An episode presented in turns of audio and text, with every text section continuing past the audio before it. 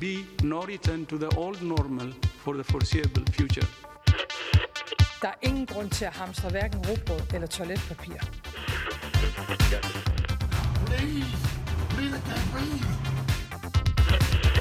No politician in history has been treated worse.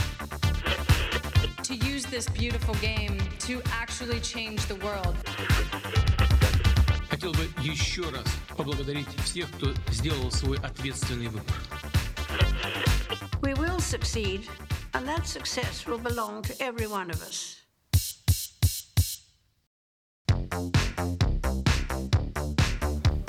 Komiði sæl, kæru hlustendur, þeir eru að hlusta á heimskviður. Ég heiti Guðmundur Björn Þorbjörnsson. Og ég heiti Birta Björnsdóttir. Í heimskviðum er fjallað um það sem gerist ekki á Íslandi.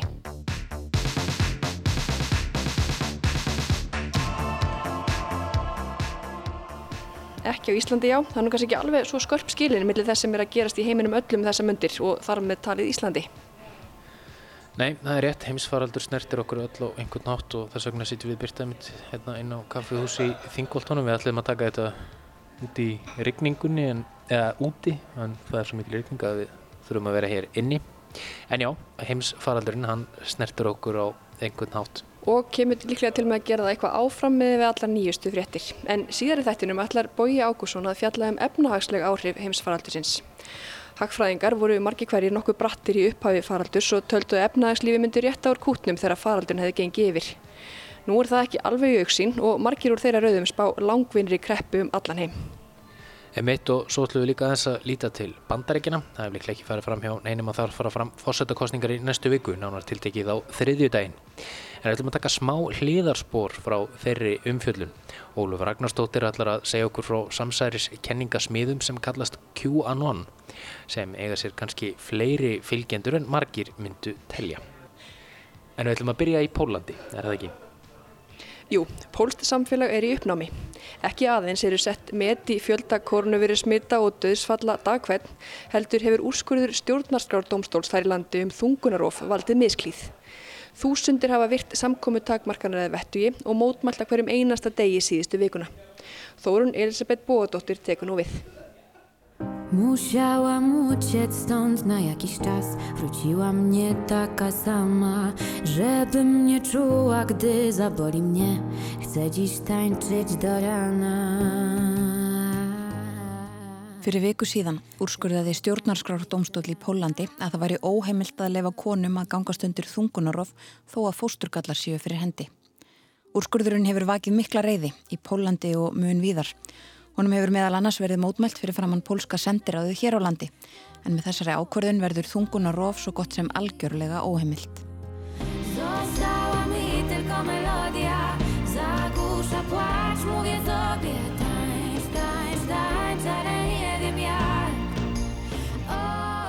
Fyrir úrskurðin í síðustu viku voru þungunarofslaugin í Pólandi þegar með þeim ströngustu í Evrópu. The abortion is... Uh is illegal in Poland. You can only uh, have abortion if you were raped, you are very sick, and the pregnancy uh, can make you even sicker, or when a fetus is uh, lethally uh, sick. Those were the three conditions. Konur máttu aðeins gangast undir þungunarof ef um var að ræða fósturgalla, sefjarspellið að nöðgun eða líf konunar væri í hættu, eins og Renata Kim, Blaðakona hjá Njúsviki í Pólandi sagði þarna frá. Næstum allar löglegar aðgerðir þar sem þungunarof var framkvæmt í fyrra voru einmitt vegna fósturgalla. Þannig er það flest ár. 98% alls þungunarofs byggir á því ákveði.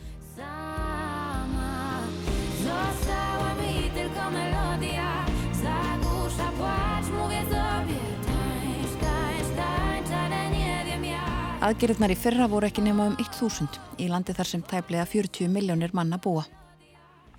The official numbers of abortion in Poland are very low. It's something like a thousand um, times a year, thousand cases. Mannrættindasamtök taka undir þetta mat og telja líklegt að 100 til 200.000 þungunarof séu framkvæmt fyrir pólskar konur ár hvert, ímest ólöglega eða í öðrum löndum. But the unofficial numbers, which are probably very accurate, is something like 150,000 cases of abortion each year. Úrskurður stjórnarskrár domstólsins varð undirlægi þingmanna laga og réttlætis stjórnarflokksins í Pólandi. Í langan tíma hefur verið reynd að fá lögunum um þungunarof frá árunni 1993 nekt en þau heimiliðu þungunarof að uppfylltum þessum ströngu skilirðum. Um það snýrist þetta mál. Stjórnarflokkurinn hefur haft það á stefnuskráni lengi að herða þessa lögjöf en það hefur reynst þeim erfitt þar til nú. Það var mótstaða við málið bæði í stjórnarandstöðunni og á meðal almennings.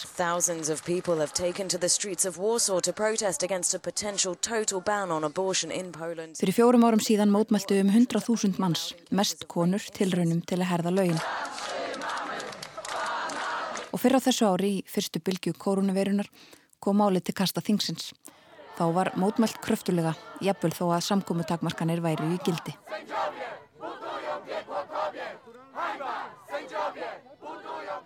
Þrátt fyrir að meiri hluti pólverja segist andvígur þungunarofi gildir það ekki um þessi tilvik sem nú eru til umræðu, þar sem fósturgalli er fyrir hendi. Það verður ekki verið neitt ákallum það í pólsku samfélagi að ganga svona langt. Þvert á móti hefur um langt skeið verið skýr meiri hluti gegn því að gera þessar breytingar, að vega frekar að réttundum hvenna til þungunarofs. Og það hefur verið staðfest í könnunum undanfarnar daga. Hópur þingmanna lengst til hægri tók sér saman og ákvaða ósk eftir því að stjórnarskrár domstólinn skæri úrum málið. Andstæðingar segja að tímasetningin nú sé ekki tilviljun. Það sé verða nýta ástandið í landinu og í heiminum til þess að koma málinu í gegn. Stjórnmönd hafa líst yfir ánægju sinni með niðurstöðuna og það hefur fórsetin Andrei Dúta líka gert rétt eins og yfirmenn katholsku kirkjunar í Pólandi, en kirkjan hefur mikil ítök þar.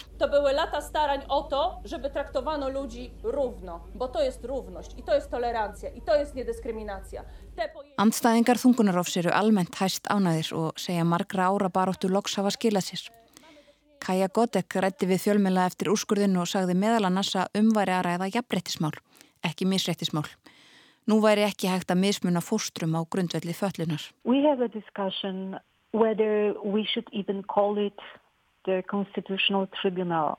This is why, as you may have noticed, I'm saying so-called Constitutional Tribunal.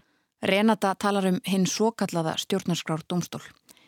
Meiri hluti þeirra dómara sem sitja í domstólum var skipaður af lögum og réttlæti. Svo það þykir hafa verið heppilegt að fá domstólinn til að úrskurða um málið. Það kom líka í vekk fyrir að taka þyrti áfram eða aftur umræðu um málið í pólska þinginu sem hefði fyllt mótmæli og reyði eins og dæmin sína. Dómstólinn segir að laugin sem heimiluðu þungunarof ef fósturgalli er fyrir hendi stangist á við stjórnarskrána.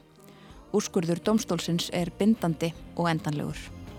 Została mi tylko melodia Zagłusza płacz, mówię sobie Tańcz, tańcz, tańcz, ale nie wiem jak Þetta er ekki eini dómstólinn sem pólsk stjórnvöld hafa skipt sér af undarfærin ár, því fyrr fjari.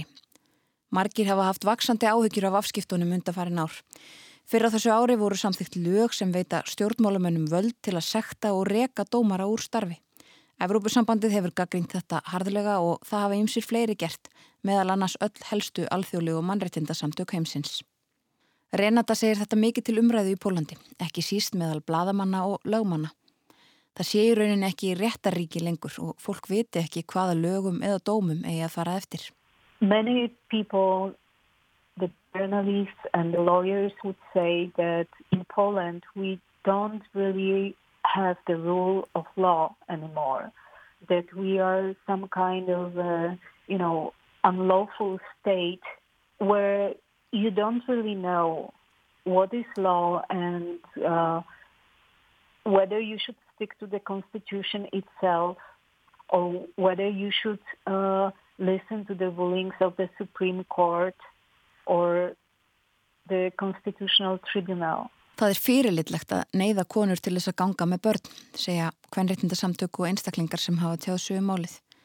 Sérstaklega þegar fyrir síð er að fóstur er með galla, að ekki sé talað um svo alvarlega galla að þau koma aldrei til með að lifa af. Mæðurnar þurfa þá að ganga í gegnum fulla meðgöngu og fæðingu til þess eins að börnin þeirra degi skömmu síðar. Af þessum sökum meðal annars hafa laugin sem nú eru sögð ólögmætt verið varin á grundvelli bans saminuðu þjóðana við pyntingum. Það sé pynting að láta konur ganga í gegnum þetta. Bæði Amnesti og mannreitindavaktin hafa fylst með málinu og fordæmt úrskurðin. Hann verði að setja í samhengi við endurtegnar árásir pólskra stjórnvalda og réttindi kvenna og tilraunir til að hefta þau og líka fyrrnemdrar laga og stefnubreitingar sem hafa grafið undan dómsvaldinu og réttaríkinu.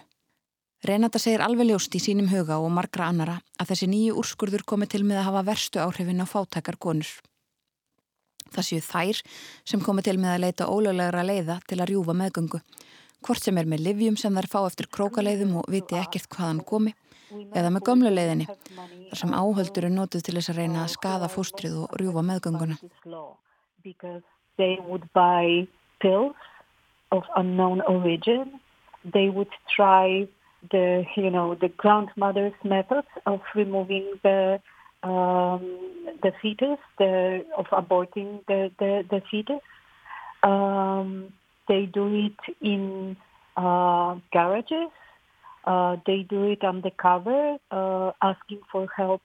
Um, strange people who you know who are risking to go to jail, helping them.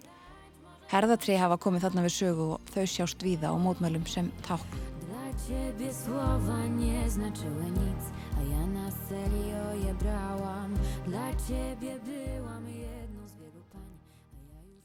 Konurnar sem hafa efnáði fara til útlanda. Women who have money would go to Germany, would go to Great Britain, to Holland, sometimes to the Czech Republic or Slovakia. But, you know, you have to have money to to get an abortion. Jafnvel áður en þessi úrskurður varða veruleika voru lögin mjög ströng, eins og fyrir segir. Þá voru kröfunnar sem gerðar voru til kvenna sem vildu gangast undir þungunar og vegna galla svo miklar að það gæti ekki margar vikur að uppfylla þær. Lækniskoðanir af ymsu tægi og annað sem tafði allt ferlið, oft þannig að það var orðið of sent að rjúfa þungununa. You just seek help somewhere else because in Poland you don't get it. Kórunveru faraldurinn geysar í Pólandi eins og annar staðir í heiminum og ástandi þar í landi er slemt. Tilfellunum hefur fjölgað ört í oktobermónuði, ný fjöldamett slegin dag eftir dag bæði í tilfellum og döðsföllum. 300.000 manns hafa smittast og 5.000 látist. Spítalar eru sagðir fyllast rætt og heilbriðist þar fólk aðfram komið. Allt Póland er nú skilgreint sem raukt svæði. Samkomi takmarkanir eru miðaðir við örfa og einstaklinga, ekki fleiri en fimm með að koma saman og það má ekki skipulegja neins konar mótmæli. You are forbidden to meet more than five people in one place. You are forbidden to have any kind of legal demonstration.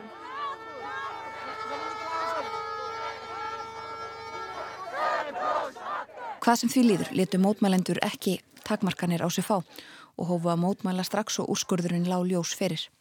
Meðal annars hefur verið mótmælt fyrir utan heimili Jaroslavs Kaczynski, leðtóa laga og réttlætis í Varsjá. Víða annar staðar í Pólandi hefur fólk komið saman til að mótmæla, stöðva umferð og tröfla samfélagið með ímsum hætti. Mótmælt hefur verið á gödumúti, við og í kirkjum og fyrir utan byggingar, laga og réttlætis. Og mótmælendur hafa haldið áfram á hverjum degi. Á miðugudag var svo kvennaverkvall í Pólandi sem fjölmargir verðast hafa tekið þátt í.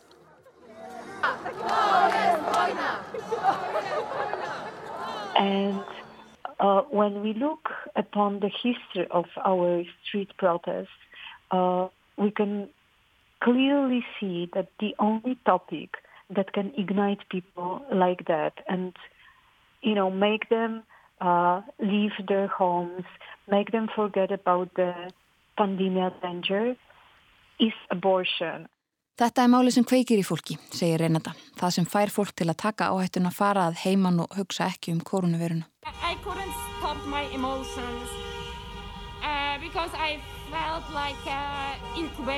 like like. Þetta var kona á mótmælum fyrir nokkrum dögum síðan. Þetta viðtal byrtist meðal annars hjá Breska ríkisjónvarpinu. Hún sagði ekki annað hægt en að mótmæla. Henni liði eins og útungunavél eða hlut. Jestem wściekła, jestem zdruzgotana, nie wiem co robić, w jaki inny sposób możemy zademonstrować. Önnur kona sem mótmælti þarna sagðist vera svo reið og líka í öngum sínum. Ég veit ekki hvað ég get gert eða hvernig við gætum öðruvísi sínt reiðina, vonbreyðin, hjálparleysið, gremjuna, sagði hún. Blaðamöðurinn Renata Kim segir að ungt fólk í Pólandi hafi fengið nóg af stjórnvöldum sem vilji að það hægi lífi sínu eftir hendi sem er katholsku kirkunar og ríkistjórnarinnar og sé mjög mótfallið að neyða í konur til að eiga börn sem eru haldinn banvænum kvillum. The young people are very sick with uh, the ruling party telling them that they have to uh, live the way the church wants, the ruling party wants, uh, and uh, imposing such a such an awful law that will force women to give birth to children who are lethally sick. Katholska kirkjan er sannlega ríkjandi afl í Pólandi en hún hefur ekki sömu tök á unga fólkinu sem hefur verið mjög áberandi í mótmálunum. Það að mótmálinn beinist gegn kirkjunu þykir þó sæta tíðindum. Á meðugudag hafi verið tilkynnt um 22 tilvik þar sem mótmælendur fóru inn í kirkjur og trubluðu messur. Fleiri tilvik voru um að slagor hefðu verið krótuð á veggi. Innaríkisráþrann sagði í kjálfarið að það erði gripið til hardra aðgerða til þess að verja kirkjunar. Hann tók þannig undir með Kaczynski sem daginn áður hafi verið mjög harðorður og hvart stuðningsmenn til þess að svara því sem hann segir árásir mótmælenda. Sérstaklega sagði hann að það þyrta verja kirkjur landsins sama hvaða kostaði. We have been seeing uh, Jarosław Kaczynski trying to ignite the situation in Poland for five years. He called his political opponents the worst names.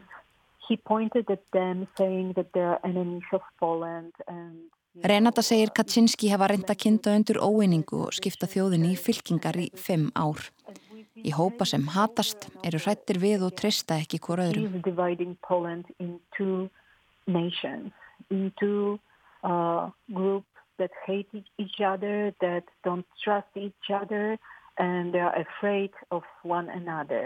Uh, another. Aðspurðum framaldið segir hún fólk óttasleið eftir að Kaczynski kvatti stuðningsmenn sína til að mæta mótmælendunum. Fólk hafi skilið hann sem svo að hann vildi beinlinis átök. He called the supporters of the ruling party to defend the churches, to um, stand up for the uh, ruling of the constitutional tribunal and to basically, he called them to fight. Mótmælinn hafa líka náðin í þingið og meðal annars haldið fram þar að stjórnvöld séu að kynnta undir borgarastyrjöld. Á meðvíkudagskvöld reyndi fórseti landsins Andrei Dúda að læja öldurnar aðeins. Hann saðist leiður yfir ástandinu og sagðist skilja þar konur sem mótmæltu, þrátt fyrir allir þekktu hans skoðun á málinu og að hann væri mótfallin þungunarofi. Jafnvel þó að úrskurður stjórnarskrar dómstólsins sé endanlegur er ekkert útlitt fyrir að málinu ljúki í bráð. Rétturinn til þungunarofs er alls ekki eina málið sem veldur misklíði í pólsku samfélagi, þó að það sé einn sínilegasta byrtingamenn þess að þjóðin sé að einhverju leiti klófin.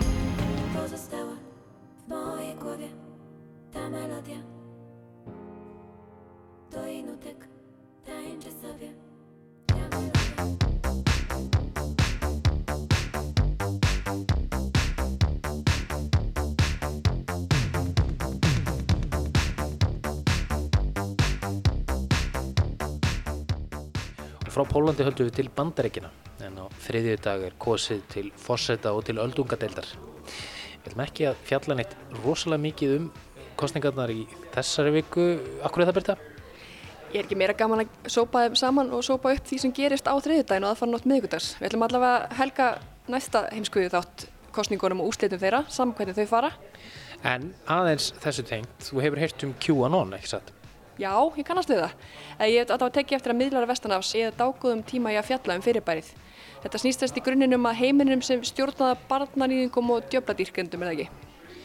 Jú, það snýst nákvæmlega um það og sumir kunna þegar erfitt með að taka þetta alvarlega en aðrir segja að það sé jafnvel hættulegt að kalla QAnon samsæðiskenningu því það gerir lítið úr hættunni sem af QAnon stafar. En hvað er QAnon og af hverju er það hættulegt? Óluf Ragnarsdóttir tekur nú við.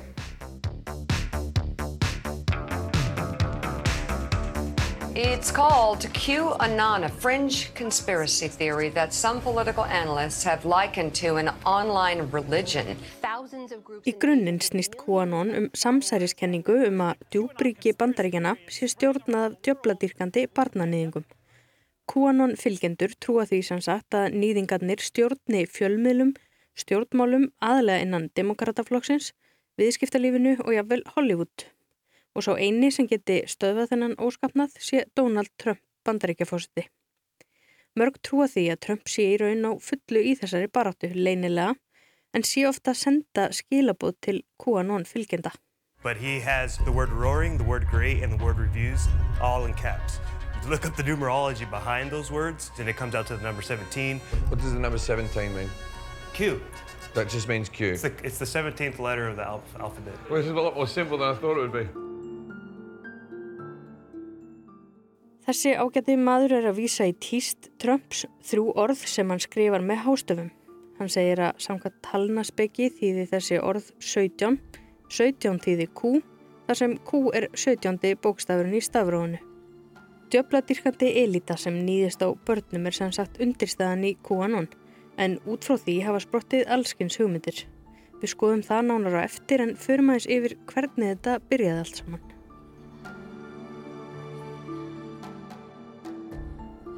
Það var í óttúber 2017 sem notandi á spjallsvæði á netinu sem kallast 4chan setti nokkrar fæslur í rauð. Spjallsvæðið er nafnlaust en þessi notandi endaði allar fæslur með því að kvitta undir með bókstafinum Q. Það á að vísa í Q-clearance eða Q-heimild. Fólk sem starfar innan bandariska stjórnkerfisins og hefur slíka heimild fær aðgangað leynilegum upplýsingum og gögnum sem varða þjóðaröryggi í bandaríkunum. Sá sem skrifaði þarna saðist sem sagt hafa slíka heimild.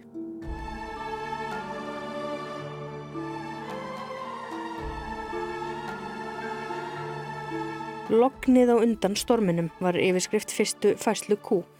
Þar lýsir hann því að brátt verði um 100.000 manns úr stjórnmálum viðskiptalífinu úr heimi frægafólksins handtekið. Q held áfram að skrifa og fæslunar urðu símfælt vinsælli. Hann færaði sig frá hverju umdelda spjallsvæðinu yfir á annað. En þessi naflusu spjallborð eru umdeld sögum þess að þar hafa margir öfgamenn og jáfnvel þekktir hriðiverkamenn básúnað bóðskapsinn og áreittir. Þeirra á meðal hinn ástralski fjöldamorðingi sem myrti 51 í tveimur moskum í Krestjórn á Nýjasjálandi í fyrra. Upphaf QAnon má sem sagt reykja til nafnlösa spjallborða í myrkum kímum internetsins fyrir nánast sléttum þremur árum.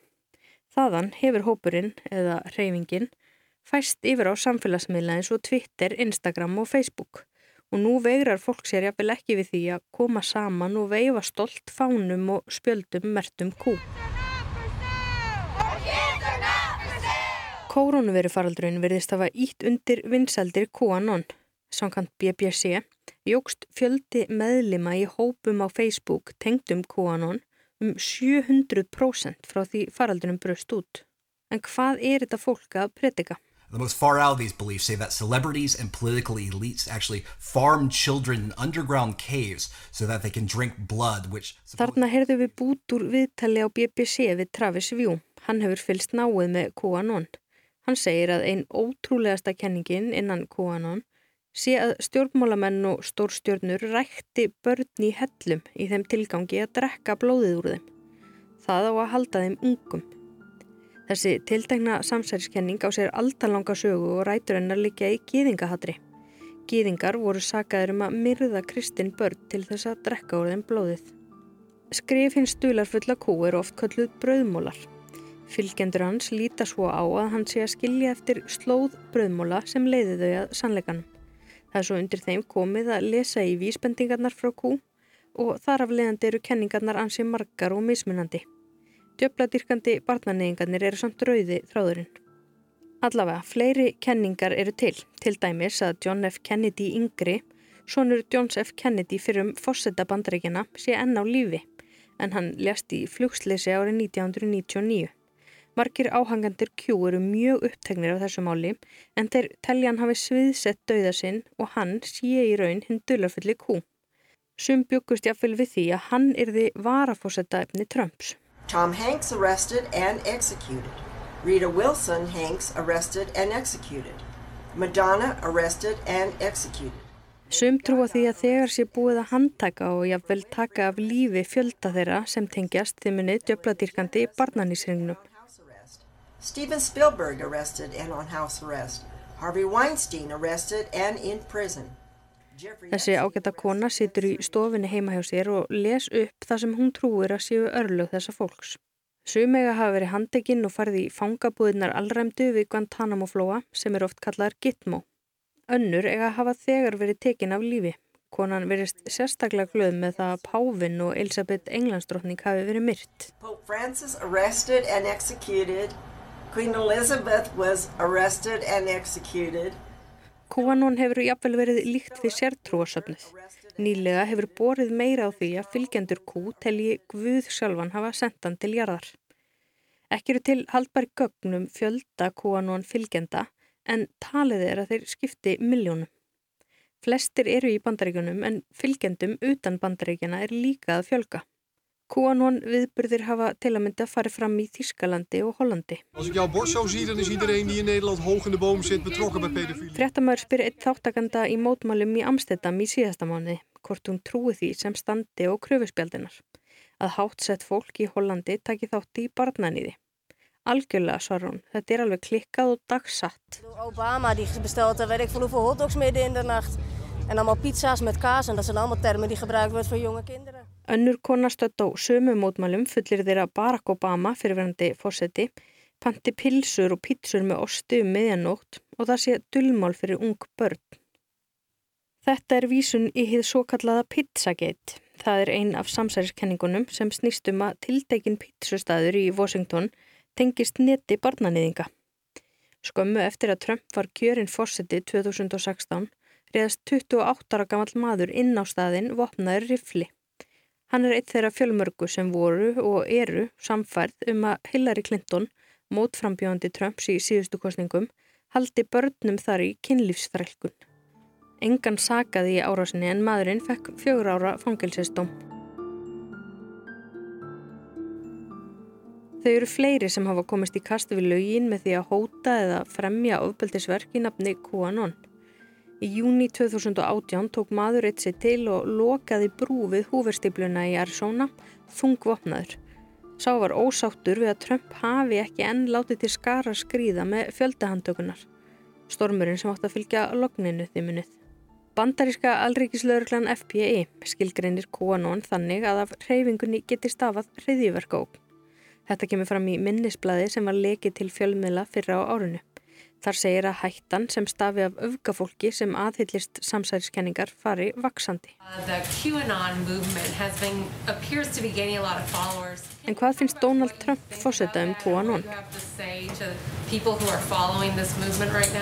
Well, I don't know much about the movement other than I understand they like me very much, uh, which I appreciate, but I don't know much about the movement. Trump segist ekki vita mikið um þetta, annað en þeim líki mjög vel við sig og hann sé því þakklátur. Hann segist ekki að hafa heyrt annað en þetta sé fólk sem elski bandaríkinn. I've heard these are people that love our country and they just don't like seeing it. So I don't know really anything about it other than they do supposedly like me. Þetta sagði fórsetin í viðtali í lok ágúst. Hann var svo spurður aftur um QAnon nú um miðjan óttóber og verist ekki hafa heyrt mikið um hreyfinguna í middildiðinni.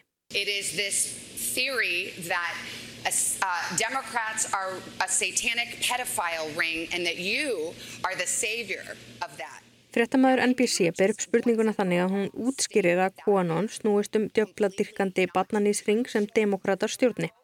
Trump sé bjargvætturinn og hún spyr hvort hann vilji í eitt skipti fyrir öll afneita hreifingunni. I know nothing about QAnon. I just told I know you. very little. You told me, but what you tell me doesn't necessarily make it fact. I hate to say that.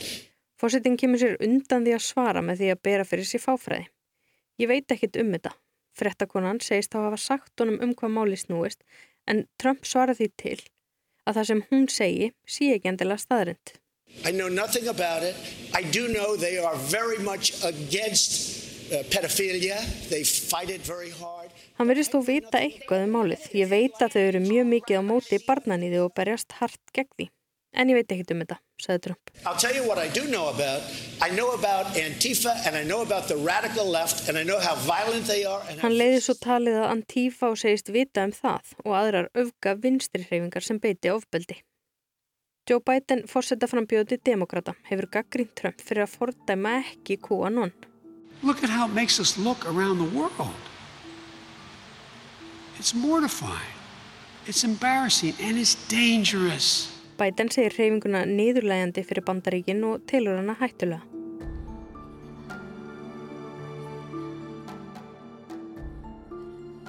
Eitt þeirra sem er stoltur fylgismöður QAnon er Nick Nittoli sem BBC Newsnight rætti við. What QAnon is is just an amalgamation of all of the greatest conspiracy theories thrown into one big um, belief. I've only been actively posting, I'd say, for the past couple of months, but the response that I've gotten is insane.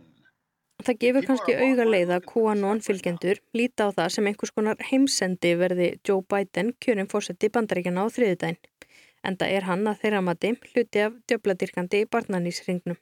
It's clearly more than a hobby to you. What, what is it to you? It's life. We're here to take the country back. We're not we're not playing around. If Joe Biden wins, I'm scared for America because I believe that QAnon will have something to say about it and we are large, we are strong and where we go one, we go all. QAnon er miklu meira en áhugamál fyrir Nittoli. Það er lífið. Hann segir að þeim sé dauðans alvara og hann sé kvíðin fyrir því að Biden ná í kjöri. QAnon eigi ekki eftir að láta það ótalið. Þau séu mörg og þar sem eitt fer fariði öll. Þetta er eitt taktasta slagurð Q-fylgjenda. Where we go one, we go all. Það er álit margra sérfræðinga að ekki sé lengur hægt að afskrifa QAnon sem fjárstæðukenda samsæriskenningu. Það sést kannski best á því að samkvæmt Alex Kaplan sem rannsakar samsæriskenningar og upplýsingaóreiðu hjá bandarísku samtökunum Media Matters hafa hátt í hundrað mann sem eru eða hafa verið í frambóði til bandaríska þingsins stutt QAnon eða gefið í skinn að hreyfingin hafi eitthvað til síns máls. Einn þeirra er Marjorie Greene, hún er frambjóðandi republikana til fulltrúadeildar þingsins.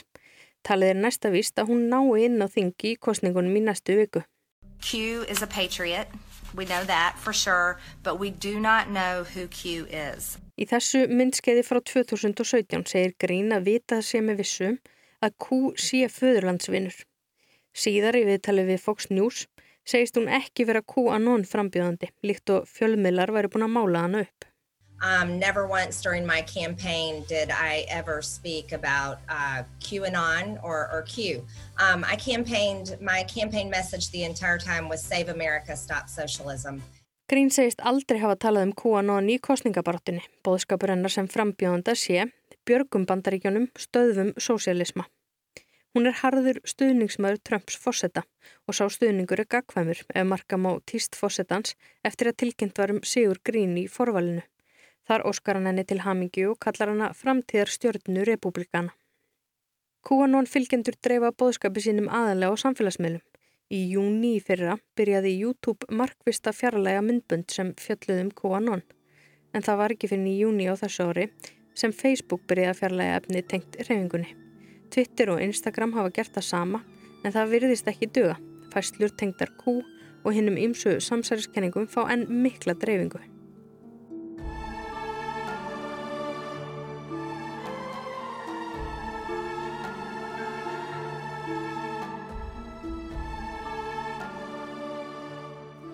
Bandaríkjaman ganga til kostninga á þriðudaginn, verði Trump endurkjörinn og nái QAnon fylgjendurinn á þing, gæti hreyfingin orðið enn vinsalli. Vaksandi vinsaldir samsæriskenninga geta ógnað líðræðinu. Það er að minnstakosti mat margara sérfræðinga. Þegar kjósendur lifa vart í sama heimi, þá virki líðræðið ekki sem skildi. So you think that people believing in QAnon could actually destabilize the United States government? Yeah, I mean, I think when a conspiracy like that spreads, it begins to destabilize how you view your own country.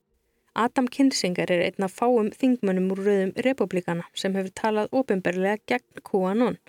And over a period of time, as that spreads, whether you bought into it one day or you didn't, that will lead to, you know, maybe election night. You don't think the results are real. You think they're rigged. The problem is you don't know something's big and something's too big until it's too big. And it's important to step on this early.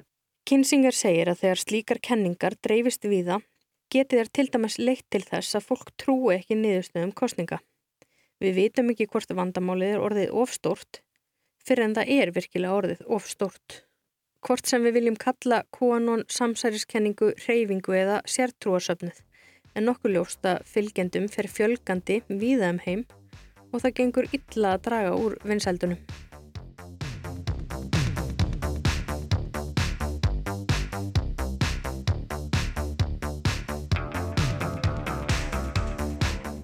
Engin endi virðist í sjónmáli í kórnuverufaraldunum og þar með efnahagskreppunni sem fylgir farsóttinni. Hagfræðingar töldu að efnahagslífið rétti hratt úr kútnum þegar faraldun hefði gengið yfir, en nú eru tvær grímur farnar að renna á þá og margir spá langvinnri kreppu.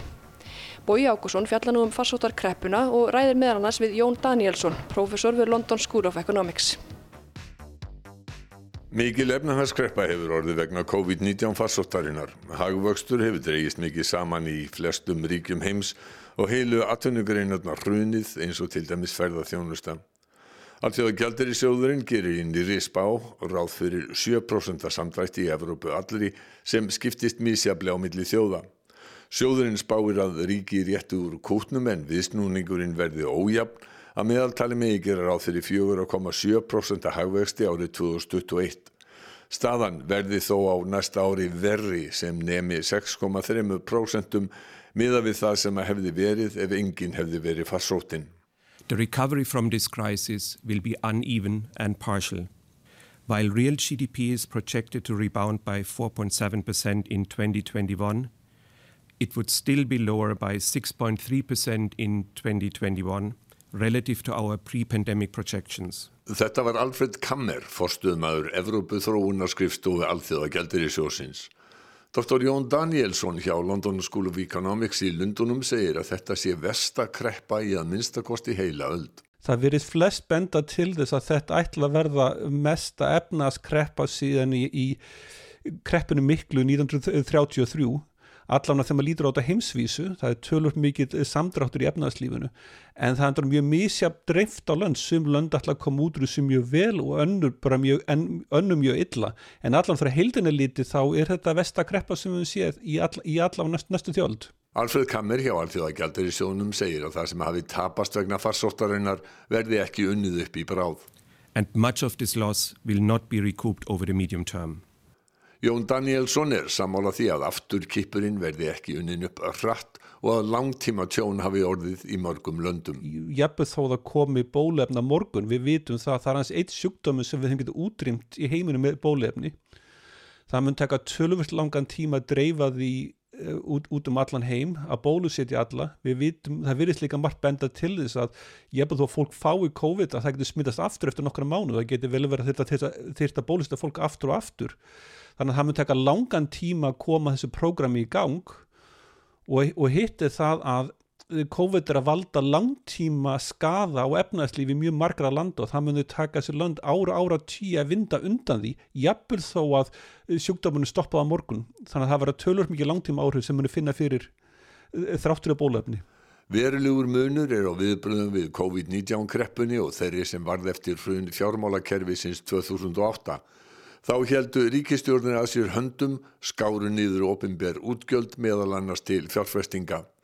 Nú er auðsið úr sjóðum ríkistjórna og alþjóðlegum sjóðum sömuleiðis Ursula von der Leyen, fórseti Frankværtastjórnar Evropasambandsins, tilkynnti fyrir nokkrum dögum stopnun sjóðs til að berjast gegn atvinnuleysi í löndum sambandsins. 100 miljörðum efra verður varið til verkefnisins. We need to ensure that we support people and that we support the economy. Þessi atvinnubótasjóður er til viðbótar 750 miljardar evra bjargráðasjóði sem samþyktu var í sumar. Upphæðin sem lögverður í bjargráðasjóðin samsárar útgjöldum Íslenska ríkisins í 120 ár. Því fyrir á að verja til fjárfestinga og umbóta til að koma efnahagslífinu í gang á nýju og styrkja heilbriðiskerfið, segir von der Leyen. We'll finance 750 billion euros of investment and reform to kickstart our economy, to strengthen our health systems. Jón Danielsson hefur á samt fleiri hagfræðingum skrifað um munin á kreppunni 2008 og efnahagsafleðingum farsóttarinnar nú. E, sko kreppan 2008 í heiminum á Íslandu og annar staðar, hún var búin til að fjármála kerfinu og viðbröðum við þeirri kreppu var það að Sælabanka lækkuðu vexti og auku lausafí og það, og það stoppaði þá kreppu núna hann ekkit á COVID-kreppuna. Selabankarnir get ekki stoppað kreppuna á COVID. Það þýðir ekkert að lækka vext og auka lausafið þannig að það eina laustina vandamónu kemur frá fjármáraráðunitinu þar að segja og það eina sem yfirvöldur raun og verið geta gert er það að komi vekk fyrir mesta sársökan þannig að aðgeri yfirvalda virka, virka sem verkjalif á sjúkdómin en ekki, en ekki lækning til, til þess að við getum stoppað áhrifum þá þurfum við að finna leið til að lifa við vírusinn og þannig að það gerist að þá er ekkert sem yfirvöld geta gert til að laga efnarslífið allavega. Stjórnvöld viða um heim eru ennað tilkynna nýja ráðstafanir til að milda áhrif kreppunar Giuseppe Conte, fórsættisráð þeirra Ítalíu fyrir í vikunni. È un decreto che vale complessivamente oltre 5 miliardi di euro che saranno utilizzati per dare risorse immediati a beneficio delle categorie. Þarna var ítalski fórsættisráþurann að skýra frá 5 miljardar evra stuðningi við þær greinar aðtunilífsins sem harðast hefðu orðið úti. Og það má til sannsvega færa að ástandi leggst mis þungt á fólk, lönd og aðtunugreinar. Kreppan kemur misjaflega niður á fólki, saði Þórðusnar Júliusson Rítstjóri Kjarnans á morgunvaktar ásar eitt fyrir vikunni. Þetta er ekki krepp allra. Það eru bara stórir hópar í samfélaginu sem hafa það einfallega betra. Þeir eru með færri tækifæri til þess að eigða í alls konar hluti sem þeir ettu í áður eins og utalansferðir og skonar varning sem eru vanir að kaupa hverju ári þannig að spartnaður í mörgum tilfellum að aukast. Eh, við erum auðvitað með sko atvinnulíf sem er eh, í lífsbaráttu víða þannig að það er mikið að undirbóðum á sko þjónustu og vörum. Þannig að veist í ykkur tilfellu þráttur að krónan hafi sunkað þá er ímisvara eh, og, og þjónusta kannski á skapleira verði. Og svo auðvitað er landsfjármagnu sem við fórum yfir áðan og er ódýrar fyrir þá sem geta tekið af þessar aðstæður. Þeir sem er að fara illa út úr þessum aðstæðum er þeir sem er satunu það eru samkvæmt öllum tölum í stónu hluta erlendi ríkisborgarar sem búa hérna 40% af allur sem eru þeir ungt fólk uh, og freka konur en kallar Jón Danielsson bendir á að kreppan komi líka misjaflega hart niður á löndum. Eh, sko ef við berum til og með saman uh, nokkur lönd í Evrópu, Þískaland er að koma mjög vel út úr þessu tiltölulega og það eru tvær ástæði fyrir því að Þískaland kemur vel út úr þessu. Í fyrsta lagi það að þeirra ríkisfjármál eru mjög góð, þeir eru mjög, hafa litla ríkisskuldir og hins vegar það að þýst efnaðsli byggir af yðnaframlislu og það sem er að gerast núna það að neyslu minnstur hjá fólki er að flytjast úr þjónustu yfir í vörur. Og það hjálpar allt Þískalandi þannig að Þískaland muni, muni geta greitt það sem þarf til til að komi, komi vekk fyrir mest áhrifin. Og síðan mun þeirra efnaðsli uh, taka við sem mjög hratt. Hins vegar höfum löndið svo Spán og Ítalíu sem stóðu illa fyrir uh, vírusin þeir eru mjög skuldsett og þeir efnæsli byggjast mjög mikið bá þjónustu og ferða, ferðamanna þjónustu ekki síst. Þann, þannig að þessi lönd er voru þegar á vondum stað. Síðan þurfum við að takast á við allan kostnæðan að þessu og þeirra helsta yðngrein gengum illa. Þannig að Þískala, þannig Ítali og Spán og Slíklund, það mun taka mjög langan tíma að vinda ofan að þessu. Og það er sama með einstaklinga. Flest fólk er bara að fá sín launing gegnum þetta alls saman og ég búin þeirra fjárhá að batna því að það er ekki eða peningum þannig að þú, þú, þú lagar fjárhá heimilina ef þú fór tekjur en ekki eða sumir uh, ég að hagnast á þessu ef þú ert í heilbyrðisgeranum eða ert í framlegsla vörum að þá er meiri eftirspurn eftir, eftir slíku og það hjálpa fyrirtækjum og fólki slíku rekstri. Og síðan höfum við þriðja hópin af fólkinu sem er í uh, sem er í þjónusustörfum, það eru listinnar, það eru íþróttin, það eru veitikastæðnar og slíkt og það er alltaf verða fyrir eh, mjög slæm áhrifum í öllum löndum í heiminum. Þannig eh, þann, þann á sama tíma flestir verði ekki fyrir neinum efnaðslam áhrifum sumur hagnastöluvert og aðri talatöluvert eh, tapatöluvert á þessu.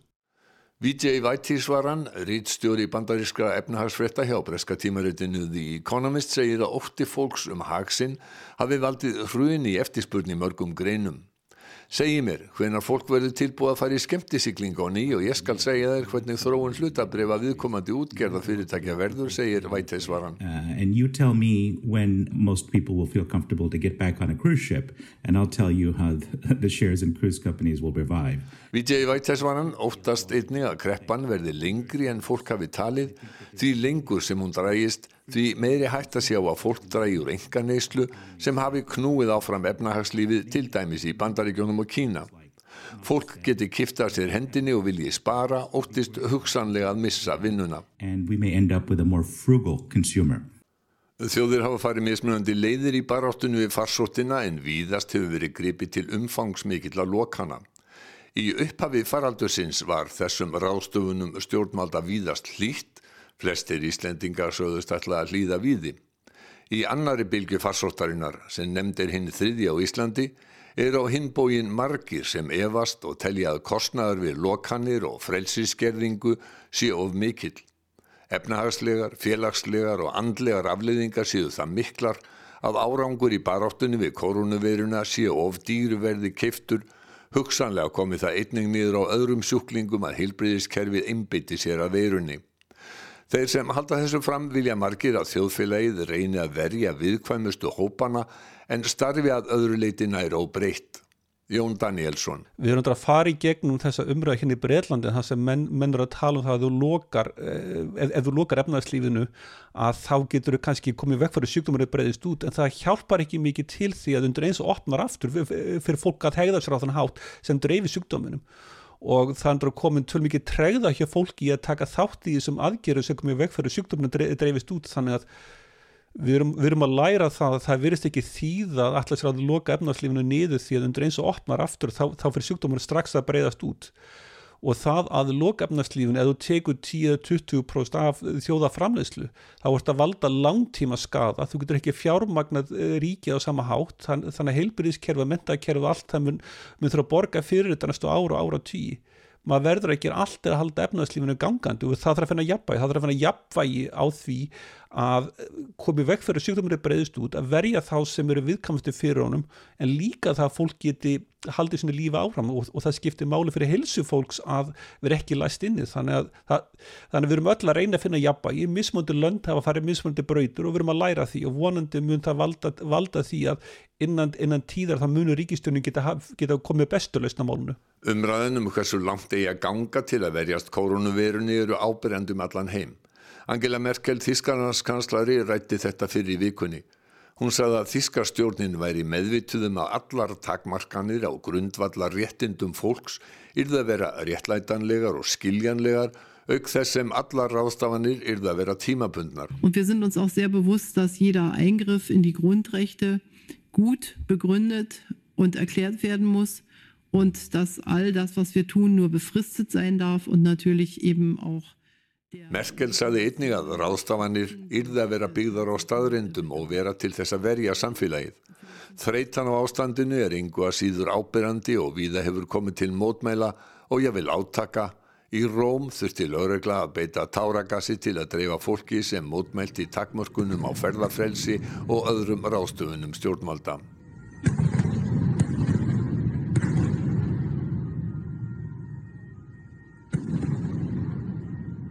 Útgöngubannum nætur er í gildi í nokkurum Evrópuríkjum. Í París sagði Caroline Monnier við frettamann AP að hún heldi að þetta erði erfitt. Hún vildi ekki þurfa að vera inni lókuða nýju eins og í mars og hún vonaðist til að fólk hefði frelsi til þess að fara um.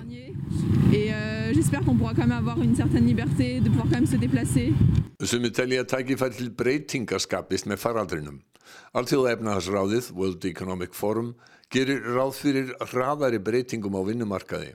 Miljónir manna hafi vanist því að vinna heima, sjálfvirkni, gerfigreind og þjarkar gerir mörg störf úreld.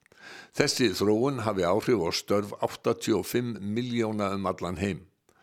Sadia Sahidi, framkvæmdastjóri alþjóða efnaðarsráðsins, segir að vissulega hafi mörg störf tapast og færri ný orði til í faraldrinum en þrátt fyrir það séu þau hóflega bjart sín þegar fram til ársins 2025. Now that said, we are still overall cautiously optimistic and that is because the rate of while the rate of job destruction is increasing and the rate of job creation is decreasing net when we look out to 2025 the outlook is still positive. Jón Danielsson er ekki samála því að kreppa nú verði til þess að hraða fjórðu innbyltingunni.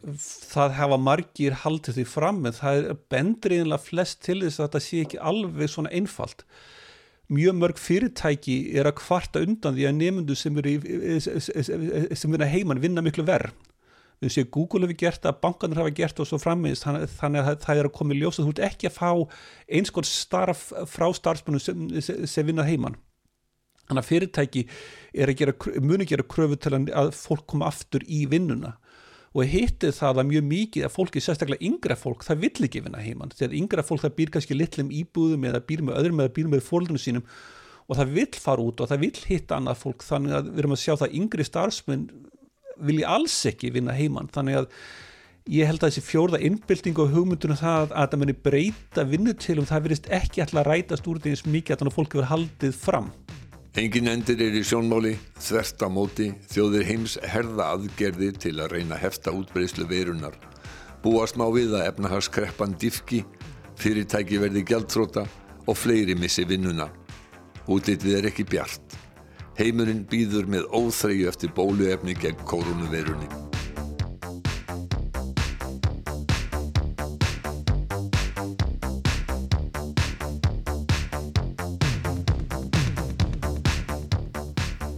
Þetta verða lokárin í heimskuðum í dag og við byrta kveðum hér frá kaffihúsinu í Þingoltunum. Já, hver veit hvar við tökum upp þáttir í næstu viku en hann verður allavega um fósettakostningarnar í bandaríkjunum, er það ekki? Já, en þanga til má hlusta á alla þætti heimskuðina í spilaran með á rúf.is og við þökkum þeim sem hlítum. Og heyrumst aftur í næstu viku.